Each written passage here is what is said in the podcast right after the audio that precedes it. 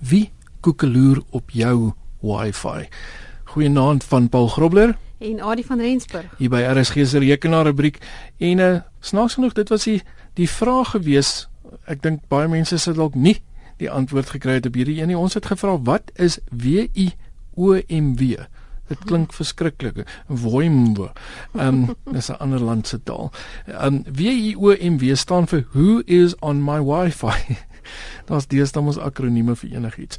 Nou, dis 'n gratis eh, Windows programmetjie wat 'n mens dan nou kan aflaai om te kyk wie is letterlik op jou Wi-Fi. Nou so, um, want weet baie keer wonder mense maar is daar dalk iemand anders op my Wi-Fi? Ek wil die feit van die saak bly Wi-Fi stuur 'n sein uit. Ehm um, hy adverteer homself. Ja, in die meeste gevalle, jy kan natuurlik jou SSID Afstek. wegsteek. Ehm um, ek ek lag so dat hy steek dit weg maar hy sê unknown. so jy weet nog steeds daar's 'n daar is daar 'n 'n wifi daar. Nou hoe dit ook al sê as jy um, graag wil sien wie dit wie is op jou wifi? Kan jy nou hierdie programmetjie gebruik W I O M W en uh, dit gaan vir jou baie interessante inligting gee soos byvoorbeeld die IP adres um, van van wie ook al dit gebruik die MAC adres. Nou dalk weet almal dit nie maar die MAC adres is mos dis amper soos jou ID nommer hè. Jy dit hmm. is uniek. Hoewel 'n IP adres ook uniek is kan ons binne in 'n 'n netwerk um, kan jy nie dieselfde IP adres hê nie maar 'n vervaardiger sit die MAC adres ja. op en daai MAC adres is 'n soort van hard gekodeer op die hmm. op die hardeware self so hy kan nie sommer verander nie nou dis jou MAC adres en uh, dan uh, kan jy selfs ook uh, die rekenaarname sien. Nou as dit praat van rekenaarname, is dit heel waarskynlik nie net dit hoef nie 'n rekenaar te wees nie. As dit 'n selfoon is, wat ook al die naam van die selfoon is, mm. um, as dit opgestel is om dit uit te saai. Mens kan dit wel afskakel, maar in die meeste gevalle sal dit wel wys um, wie wat dit toestel, dan nou die naam van die toestel. En ook natuurlik die konnekteer status van die toestel. Is hy heidaglik um, gekonnekteer of, of nie dalk was hy voorheen daar en hy's nie op die oomblik daar nie. Ehm um, gou gegaan om koffie te gaan drink wat ook al die geval mag wees. Nou baie mense vra hoe sal mens weet of iemand anders jou wifi gebruik? So daar sal tekens wees byvoorbeeld 'n stadige internet um, en bandwydte wat onverklaarbaar opgebruik word. Ek vind dit baie keer. Nou ek weet dis nie noodwendig ander mense nie, dis dalk ander mense in die huis wat dit opgebruik. Maar ek het um, dieselfde probleem. Ja, so. Ja, en dan jou vriende kom ons kuier en almal wil op die einde van die dag jou Wi-Fi wagwoord hê en ja, en daarna as hulle as jy dit een keer gedeel het dan ja, kom hulle terugkom. Ja, tabletrekenaars of slimfone of jy weet meeste mense het half soos in meer as een ja. so eh, 'n uh, toestel. Die ergste is natuurlik meeste toestelle is opgestel om wat jy mos kan opstel om te sê ja. as jy op die wifi is dan moet jy al die downloads ja. doen. So nou ja. kom jou vriend ingestap en dan besluit sy foon nou hy gaan nou al die downloads ja. aflaai sommer van self. Jy kom dit nie noodwendig eers agter nie. Ehm um, ek moet sê gelukkig ek het 'n soort van 'n vooruitbetaalbare ehm um, data so gelukkig ek gaan nie 'n rekening kry en 'n ja, skok kry nie. Ja, ek het ook 'n cap. Ja, ja, so ek moet maar self weer bykoop en dan het, sien die mense moet beskiklik weer bykoop. Ja. Ek het 1 jaar nie dit gehad nie en almal het natuurlik die data gebruik en toe kry ek ook so ligte skokkie toe ek my, toe ek my uh, rekening kry. Maar as ek luister na wat al met ander mense gebeur het is ek nog redelik aan die laer kant maar nog steeds. Dit is nie iets waar waarvoor jy lus is nie. So hierdie kan jy natuurlik alles daarop kyk.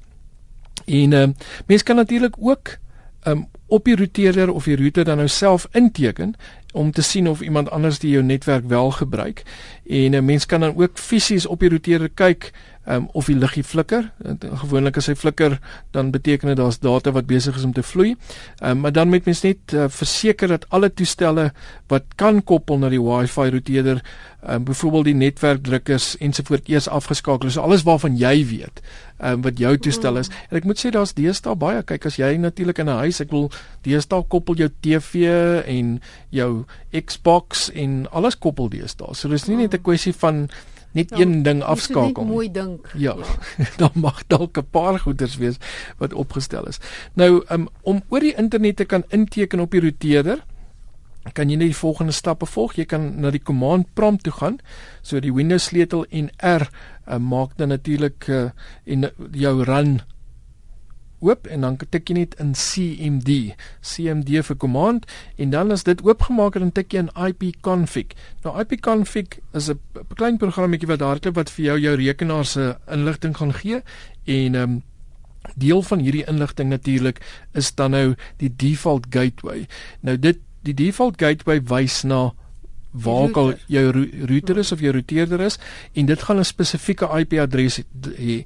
Daai adres kan jy dan in op jou webblaaier intik en dit sal jou dan na die die webbladsy van jou routeerder toe vat waar jy dan nou um, in kan teken. Gewoonlik ek sê dit uh, dalk nie te hard nie, maar gewoonlik is die die gebruikersnaam en die wagwoord admin admin uh, vir die meeste routeerders. So, um, as jy nog nooit voor in jou uh, en, en jy sal dit kan opsoek op internet. Daar's 'n ja. standaard, daar standaard vir die meeste ja, gebruikersname. So, as jy as jy al voor as jy 'n routeerder het en jy het nog nooit dit verander nie, dan is dit nou tyd want dis nou een van die dinge wat jy nou nie wil ooplos nie want dan kan ander mense um inkom op jou routeerder ja. en hulle kan die inligting verander. So maak seker jy verander definitief jou routeerder se wagwoord um spesifiek vir die admin rekening want daarmee kan jy nogal baie doen.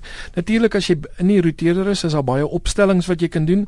Jy kan ook byvoorbeeld net sekere MAC adresse waar waarvan ons vroeër gepraat het, kan jy filter. So jy kan net sekere toestelle toelaat om te mag koppel. So as dit nie daai spesifieke MAC adres het nie, dan gaan hy nie koppel na die mm. routerer toe nie. So as jy wil seker maak nie enige iemand koppel nie en jy het een of twee of drie toestelle, hoeveel toestelle ook en jy wil hê dis die enigste toestelle wat mag koppel na daai routerer toe, dan is dit 'n baie veilige manier om seker te maak niemand anders te kry toegang na jou uh, routerer toe nie. Nou daar's ook natuurlik ander netwerkmoniteringsprogramme soos Fing, nie Ping nie. Ping bestaan ook, maar hy doen iets anders. Fing met 'n F, jy moet so Sting met 'n T aan. Ja, nie nie die Engelse Fing. Hierdie is nou tipies soos 'n Afrikaner het nou. ek kan mos nie 'n T reg uitspreek in Engels nie.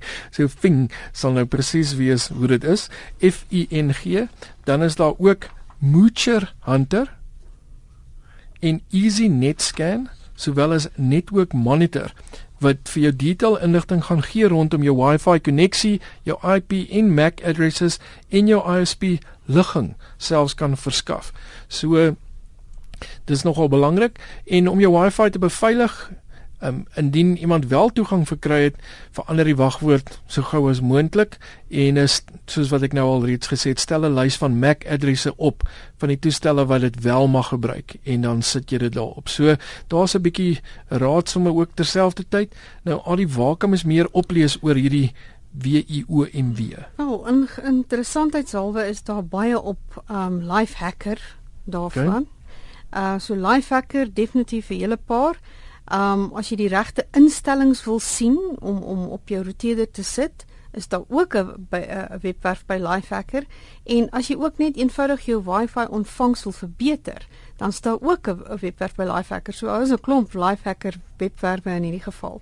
Nou ja, as jy hierdie mis, dan kan jy natuurlik net by ons webwerf gaan kyk by rsg.co.za en uh, daar kan jy net vir die rekenaar rubriek soek onder Chila tyd en uh, daar sal jy hierdie inligting in die skakels kry en uh, dan kan jy maklik uh, hierdie skakels net volg na die webwerwe toe. Nou ja, ehm um, alwen het ons 'n webwerf ingestuur oor beter Afrikaans. Nou, dit is 'n gratis webdiens vir Afrikaanssprekendes of jy nou jonk of oud is. Jy kan in 'n japtrap meer gaan leer oor sekere taalvrae. So jy wil op 'n interaktiewe manier nou spel en skryfreëls half inoefen. Mm -hmm. So gaan gerus na www.beterafrikaans.co.za. En dan het ons 'n vraag gehad van Richard wat vra hoe kan 'n mens kennis opdoen as jy nou nie geld het om te gaan studeer by instansie nie, wil sê maar programmering of iets studeer.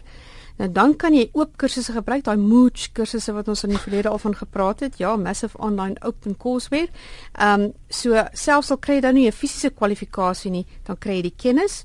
So gaan kyk gerus by die webwerf wat by blog.agupiware.com is. Ja, ja, soos ek gesê het, hierdie webwerwe kan jy kry by ons en ook rsg.co.za en gaan soek net die RSG rekenaar rubriek onder Chila tyd waar jy dan hierdie skakels kan kry.